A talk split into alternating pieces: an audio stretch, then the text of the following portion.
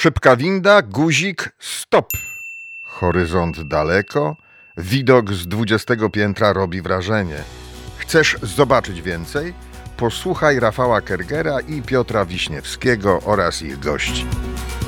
Witam serdecznie w kolejnym odcinku podcastu 20 Piętro. Dzisiaj naszym gościem jest Kuba Skalbania, MVP Microsoft, założyciel firmy NetWise, absolwent Oxfordu, który wprowadził na swoją giełdę, swoją firmę na giełdę papierów wartościowych przed ukończeniem 30 roku życia. Witam Jakubie. Dzień dobry, cześć Piotr. Dzisiaj od, jako próbujemy nowej rzeczy. Dzisiaj nagrywamy po raz pierwszy odcinek e, zdalnie. Jakub siedzi przed swoim komputerem, ja, ja kilkaset kilometrów dalej przed swoim, więc Wybaczcie nam, drodzy słuchacze, za problemy techniczne, jeżeli się pojawią, ale wierzę głęboko w to, że temat, który chcemy dzisiaj omówić, e, firmę, którą chcemy przedstawić, menadżer, którego doświadczenia będziemy chcieli poznać, będzie bardzo interesujący. Jakubie, e, byłeś w, jak, w, jak w programie, e, jak nie Oxford, to co? Skończyłeś Oxford. Opowiesz nam trochę, jak to się wydarzyło? Na wstępie Piotr bardzo dziękuję za zaproszenie. To jest zaszczyt być w takim gronie e, i, i tu u Ciebie w podcaście i w takim gronie Twoich e, ludzi, z którymi robiłeś wywiady. Mm, jeśli chodzi o e, Oxford, to na wstępie takie pytanie w studiach to już trochę było dawno, ale tak, wiesz, to, to pewnie zaczęło się tak jak u, u każdego, kto, kto chce iść na Oxford albo na Cambridge, albo na Harvard, albo na MIT, czyli od marzenia, a później było zderzenie z rzeczywistością. Jak się czyta mm, wywiady z polskimi mm, absolwentami Oxfordu, to wszyscy mówią generalnie bardzo podobnie. To znaczy, najpierw bardzo chciałem, później zobaczyłem, ile to kosztuje. Jak już zdałem egzaminy, to mnie to, e, e, do mnie to dotarło, że to jest e, realne i rzeczywiste no i później miałem najlepszy okres w życiu. No i to dokładnie tak samo mogę e, powiedzieć ja. E, na, po, po, po liceum tutaj w Polsce miałem kilka, to się ładnie mówi, kilka indeksów przez, przez olimpiady, które, które byłem laureatem albo finalistą w liceum. I robiłem studia inżynierskie tutaj w Warszawie, byłem na wymianie w Irlandii i postanowiłem po studiach inżynierskich w zasadzie trochę zacząć od nowa e, i no, spełnić swoje marzenie, ale oczywiście ono zależało w dużej mierze od, od zdania egzaminu e, i pójść na Oxford. Oxford był wtedy e, na świecie numerem jeden, później był numerem 4 do 6, zależy od rankingu, teraz znowu jest bardzo mocno numerem jeden. I o dziwo w software engineering, czyli w inżynierii oprogramowania, jest na przykład przed Stanfordem, co wiele osób dziwi. Mnie też w sumie wtedy zdziwiło, bo Oxford no to podejście do e, inżynierii programowania matematyczne, ale bardzo, bardzo innowacyjne e, ma i, i rzeczywiście je stosuje. Więc jeśli pytasz, jak było ze mną, to, to, to w skrócie pewnie tak jak z każdym. Chciałem, marzyłem o Oxfordzie, pojechałem na egzaminy, zdałem egzaminy, kolejnego dnia dowiedziałem się, że to, to, to było bardzo szybki proces. Kolejnego dnia dowiedziałem się, że, że je zdałem. E, miałem interview z e, kimś, kto prowadzi program, czyli magisterkę. No i razem z dwunastoma innymi osobami trafiłem na studia.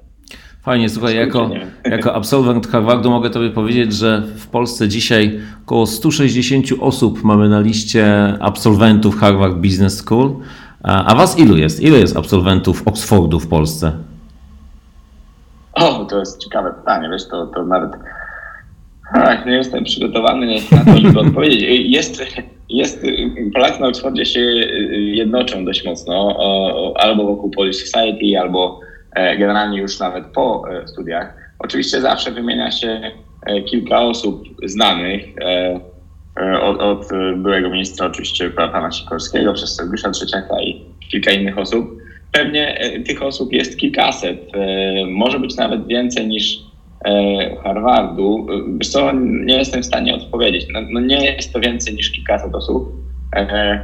Pytanie też do ciebie, będę tu trochę przekorny i tak odpowiem ironicznie pytanie, o jakich Harvard pytasz, bo jak ja teraz patrzę na swój LinkedIn, to co trzecia osoba kończyła Harvard.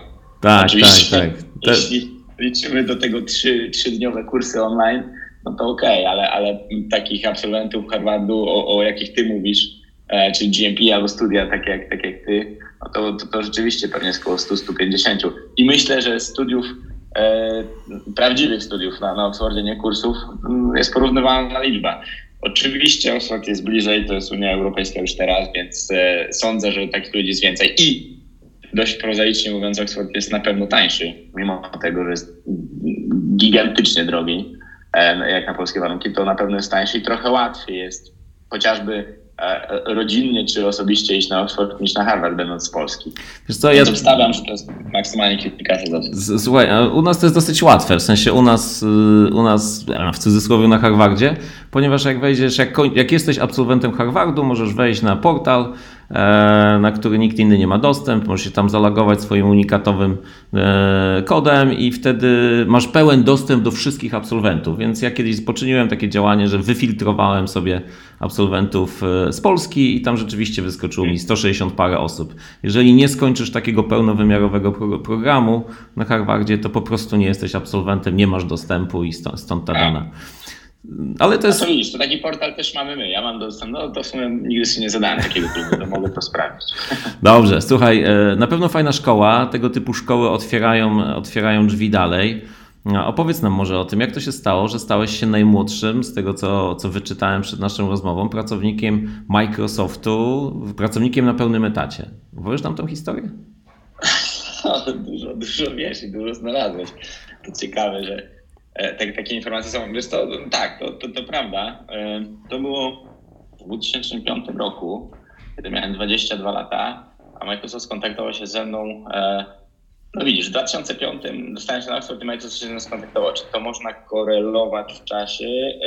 W czasie na pewno, ale to moje ulubione zagadnienie ostatnio mm, przez parę lat, czy na pewno tam jest taka relacja przyczynowo-skutkowa. Korelacja jest na pewno nie wiem, ale, ale, ale może tak.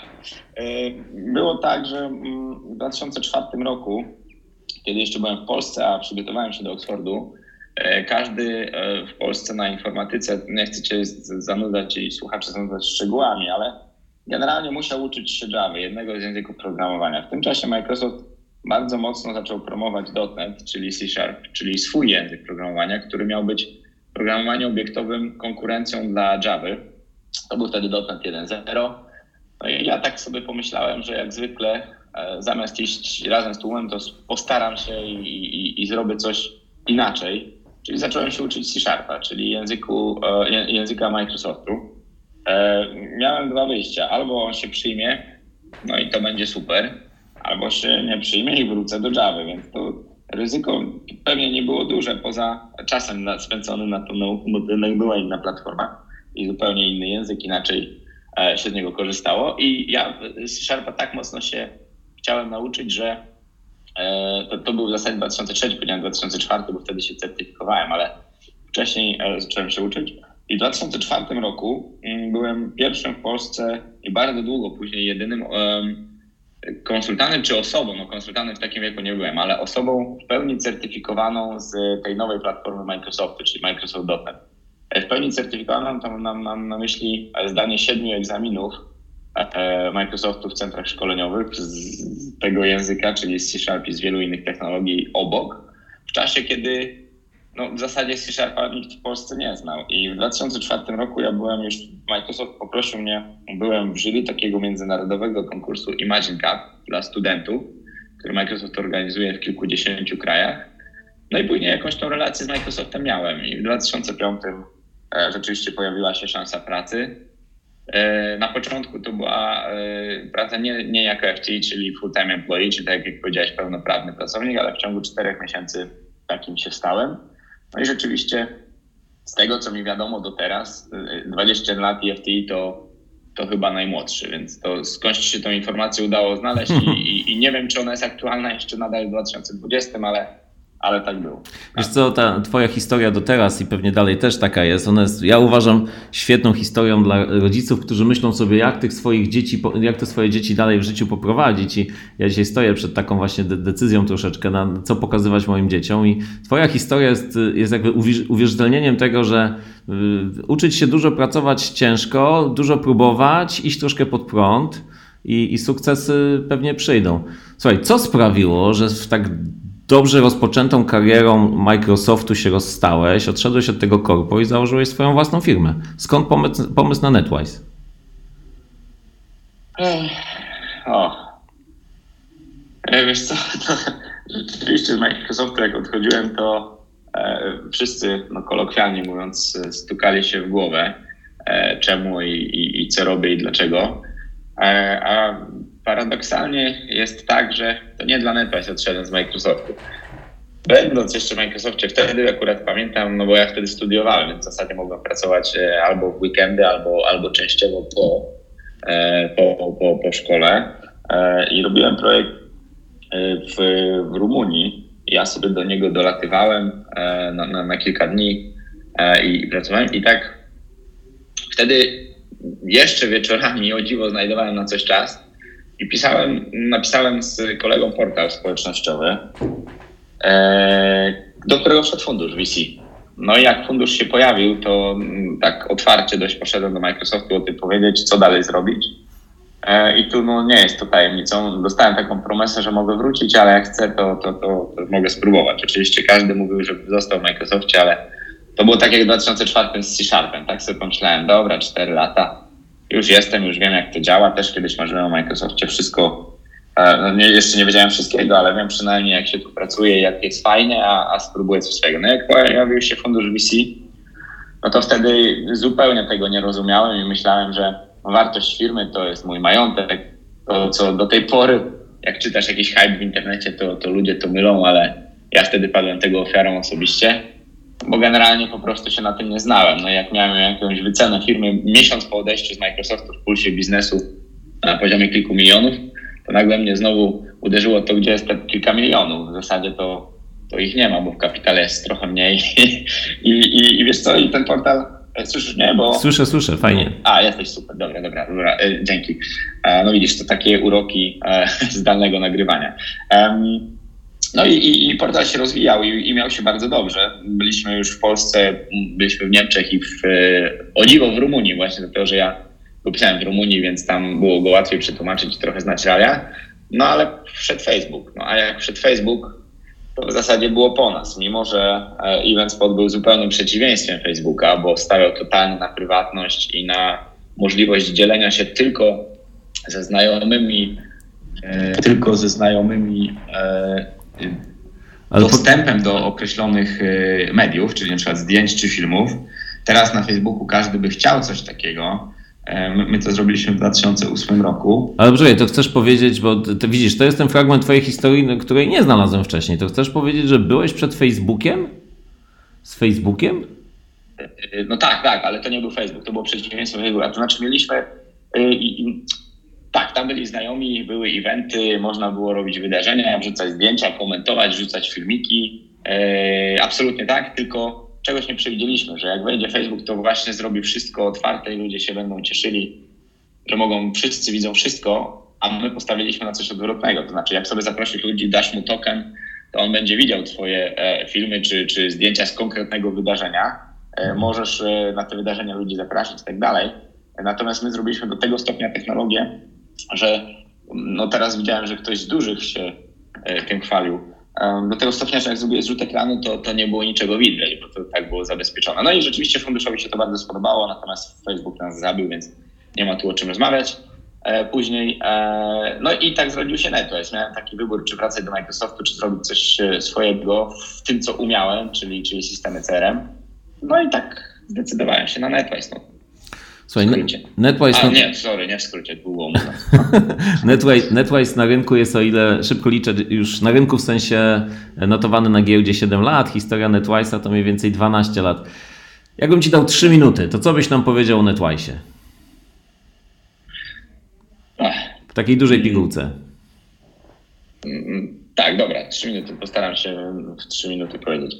No tak, NetWest powstał w 2008 roku, roku i bardzo szybko stał się kimś, kto to ładnie po angielsku się nazywa underdog, a, czyli ktoś, kogo nikt nie traktował poważnie w tym, co chcieliśmy robić, czyli systemy CRM. A kto w 2010, no według Microsoftu już był partnerem roku, a w 2011 w Hollywood odbieraliśmy nagrodę już za najlepszego partnera e, CRM, czyli integratora systemów CRM. E, no a, a teraz w 2019 mamy na koncie ponad 150 wdrożeń w 23 krajach, więc to mniej niż 3 minuty. Natomiast. A czym się zajmujecie może jeszcze? No właśnie. Tak, tak, tak. My od samego początku wdrażamy e, systemy CRM, czy systemy do zarządzania relacjami z klientami i robimy to w trochę inny sposób niż każdy przed nami i po nas. I tak to pozwoliło nam bardzo szybko w 2009 roku e, pozyskać kilku ogromnych klientów. No, nie, będę, nie będę ich wymieniał, ale, ale ogromnych mam na myśli branżę finansową, telekomunikacyjną i to w taki e, paradoksalnie trochę śmieszny, ale znowu widzisz sposób pod prąd. To znaczy oni mówili, mamy tu duże firmy, my wiemy jak działa CRM, będziemy z nimi robić, za dwa lata będziemy mieli coś wdrożone, a jedna firma za cztery. No i my przyszliśmy dość buńczucznie, wtedy e, już, już pisałem tylko pracę, więc miałem ostatni rok trochę wolniejszy w szkole. I powiedzieliśmy, ok, a, a co jak wam zrobimy na success fee do tej pory, aż, aż tamci wdrożą coś. No i tak, tak pozyskaliśmy dwóch klientów. Okazało się, że tamci nadal tego nie wdrożyli, a nasz system klienci zaczęli używać. Później przyszli do nas po więcej, po więcej, po więcej. No i tak jesteśmy z nimi do tej pory, z kilkoma, którymi zaczynaliśmy w 2009 roku. Super. Czy udało się w 3 minuty? Chyba tak. Chyba tak, to, to jest duża sztuka. W momencie, kiedy wpisze się w Google'ach Twoje nazwisko, pierwszy link, który wyskakuje, e, zaczyna się od hasła MVP CRM Microsoft. E, nie jestem specjalistą, ale to na pewno coś oznacza. Pomógłbyś nam zrozumieć ten skrót MVP? Skąd to się wzięło i dlaczego to jest tak szalenie ważne? E, oczywiście tak. E, wierzę ci, już nie sprawdzam się w Google, ale, ale wierzę ci, że tak jest, a to znaczy, że Microsoft to dobrze pozycjonuje rzeczywiście. MVP to jest Most Valuable Professional, to jest taki tytuł, tytuł też nagroda, którą Microsoft przyznaje mm, osobom, w danej technologii, w danym kraju e, najbardziej zasłużonym, jeśli chodzi o dzielenie się wiedzą, budowanie tego produktu, wpływ na ten produkt, e, taki local flavor, czyli ten wpływ z danego kraju. I rzeczywiście to jest nagroda, którą Microsoft reewaluuje co rok, to znaczy nie ma się jej dożywotnio, dostaje się tylko na rok. A ja mam to szczęście, że to już jedenasty rok, kiedy Microsoft zdecydował, że, że, że powinienem ją mieć. E, rzeczywiście w, w Polsce mm, e, e, ja jestem jedynym MVP, jeśli chodzi o, o system CRM. Nie jedynym MVP Microsoftu, bo oczywiście wiele innych technologii taką osobę ma. I to jest osoba, z którą Microsoft rozmawia. Wiesz co, my mamy umowy NDA bardzo silne, bardzo mocno nałożony na nas e, zakaz mówienia o różnych rzeczach, dlatego że współpracujemy nad przyszłością produktu. Ja akurat oczywiście w moim przyszłością CRM-a i dokładnie mm, dzisiaj na przykład, no dzisiaj, dzisiaj w nocy dostałem jakiś tam mail o tym, co, co będzie w lipcu. Oczywiście my tego do marca nie możemy mówić, no więc e, to jest takie osoba, która współpracuje bardzo blisko z Microsoftem w Redmond nad rozwojem produktu, ale ma też wpływ realny na to, jak ten produkt E, się rozwija e, poprzez te lokalne smaczki, czyli co na przykład w Polsce jest potrzebne, co klienci z Polski dużo, e, duzi chcieliby mieć w takim systemie. To, to, to w skrócie jest, jest MVP. Czyli jednym słowem, jak ktoś korzysta z, z, z CRM-a Microsoftu w Polsce i, i jakaś funkcja u niego nie działa, albo coś innego chciałby dopasować do swojego podstawowego biznesu, jest w stanie zacząć pracować z Tobą, przekonać Ciebie, a Ty przepracujesz tego typu zmianę e, w siedzibie głównej Microsoftu. Tak, trochę e, to strywializowaliśmy. Zmiany, wiesz, można je po prostu wprowadzić. Natomiast jeśli chodzi o duże zmiany funkcjonalne albo modułowe, to tak, tak, tak, tak. Super. Zatem, skoro jesteś jednym z współtwórców, współtwórców CRM-a Microsoftu na świecie, no tak trochę korci mnie pytanie, oczywiście jeżeli nie możesz, to nie mów. Natomiast mnie strasznie biznesowo nurtuje, co się wydarzy po połączeniu LinkedIna z Microsoftem. Czy przyjdzie taki moment, że może poskładane zostaną te klocki i na tej bazie powstanie jakaś fajna struktura e, sztucznej inteligencji, która będzie totalnie mogła wspierać, zautomatyzować proces sprzedaży. Jak ty to czujesz? Sztucznej inteligencji. To, to wyłapałem z tego pytania, ale, ale oczywiście e, wyłapałem też wcześniejsze rzeczy. Ale tak, wiesz co, mm, w 2016 roku, jak Microsoft kupił LinkedIn, mm, ja miałem, mm, pytało mnie o to samo e, Rzeczpospolita i chyba, chyba Forbes, gdzieś to można znaleźć w internecie, taki artykuł z moim wywiadem e, na ten temat. Ja wtedy powiem Ci, że myślałem zupełnie co innego niż, niż myślę teraz. Wtedy wiadomo już było o, o GDPR, oczywiście o, o, RODO, e, natomiast ono przez dwa lata pozostawało jeszcze w takiej fazie, a może będzie, może nie będzie, a jak będzie, to zobaczymy jak będzie, do 2018 roku. Więc każdy, i w tym ja, to mogę się bić w piersi i przyznać, myślałem, że Microsoft sobie kupił LinkedIna po bazę ludzi. Czyli zrobi sobie bazę ludzi, będzie ich wrzucał do, odpowiednio do swojego systemu CRM i pomoże sprzedawać. Teraz yy, mam bardziej do tego pragmatyczne podejście. Nie wiem, czy zgodne z y, oficjalną linią y, Microsoftu. Natomiast zobacz, co się stało po trzech latach. LinkedIn to LinkedIn i nadal w liniach produktowych i, i jako brand to jest zupełnie coś innego dlatego że Microsoft nie chce, żeby LinkedIn był, był brandowany jako Microsoft z pewnych względów. Nawet w przychodach Microsoftu gdzieś w raporcie widać, że LinkedIn w zasadzie był potrzebny po to, żeby mówić, że w linii biznesowej jest parę, na, parę miliardów więcej. E, czy, czy coś się stało z tą bazą i sztucznej inteligencji do sprzedaży? Nic się nie stało. Pytanie, czy to jest e, RODO, czy to jest technologia, czy to jest strategia. Oczywiście y, Microsoftowy CRM ma tak zwany LinkedIn Sales Navigator, czyli e, możesz na, w systemie zobaczyć e, osobę, która decyduje w danej organizacji, gdzie wcześniej pracowała, kto cię może z nią przedstawić, czym się ogólnie interesuje i jakąś segmentację zrobić tak, żeby w CRM-ie dane z LinkedIna mieć. Oczywiście to będą tylko dane twoje, e, i, i, I, to już jest akurat wina RODO. No nie możesz sobie po prostu do wszystkich osób E, napisać i, i zrobić e, introduction tak po prostu. E, więc czy, czy tam jest sztuczna inteligencja? Sztucznej inteligencji tam nie ma, chyba że do, do promowania artykułów feedzie, czyli w Twojej ścianie. Jak zresztą w większości produktów czy technologii, które pod hypem sztucznej inteligencji mają zwykłą statystykę i jakieś proste predykcje. Więc jeśli mnie o to pytasz, czy, czy LinkedIn i Microsoft i CRM będzie sam sprzedawał, nie będzie sam sprzedawał i, i, i to się nie uda. Przynajmniej według mnie. No, oczywiście mogą być, mogą, część ludzi może się ze mną nie zgadzać.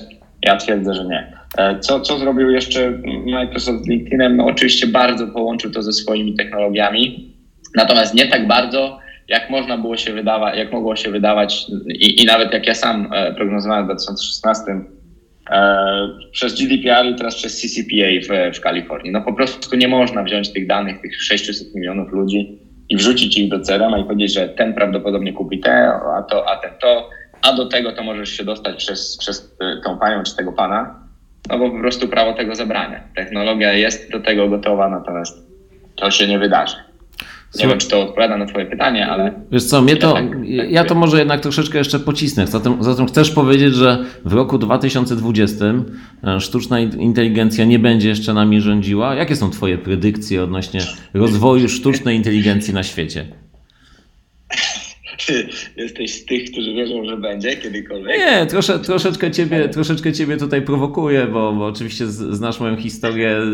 Też firma, którą ja z kolei prowadzę, buduje e, część algorytmów po to, żeby wspierać procesy decyzyjne i, i, i poza tym, że we wnioskach unijnych piszemy, że to jest sztuczna inteligencja, to ja nigdy tego tak nie nazywam. To są dla mnie tylko algorytmy. Ale z kolei wczoraj uczestniczyłem w nagraniu w telewizji polskiej, gdzie jeden z profesorów który zajmuje się prowadzeniem katedry właśnie w zakresie sztucznej inteligencji, z dużym przekonaniem mówił, że takoważ już istnieje. W związku z czym no, trochę pytam Ciebie, żeby poznać Twoje zdanie. To nie jestem w pozycji, żeby podważać profesora jednego czy drugiego, ale, ale nawet wśród akademików zajmujących się tym jest bardzo wyraźny e, podział. E, to znaczy są ludzie tacy jak Kurzweil, e, którzy twierdzą oczywiście, że będzie singularity, czyli jedność, ujednolicenie, jakkolwiek to przetłumaczymy i rzeczywiście roboty będą nami rządzić, a sztuczna inteligencja będzie lepsza niż, niż naturalna.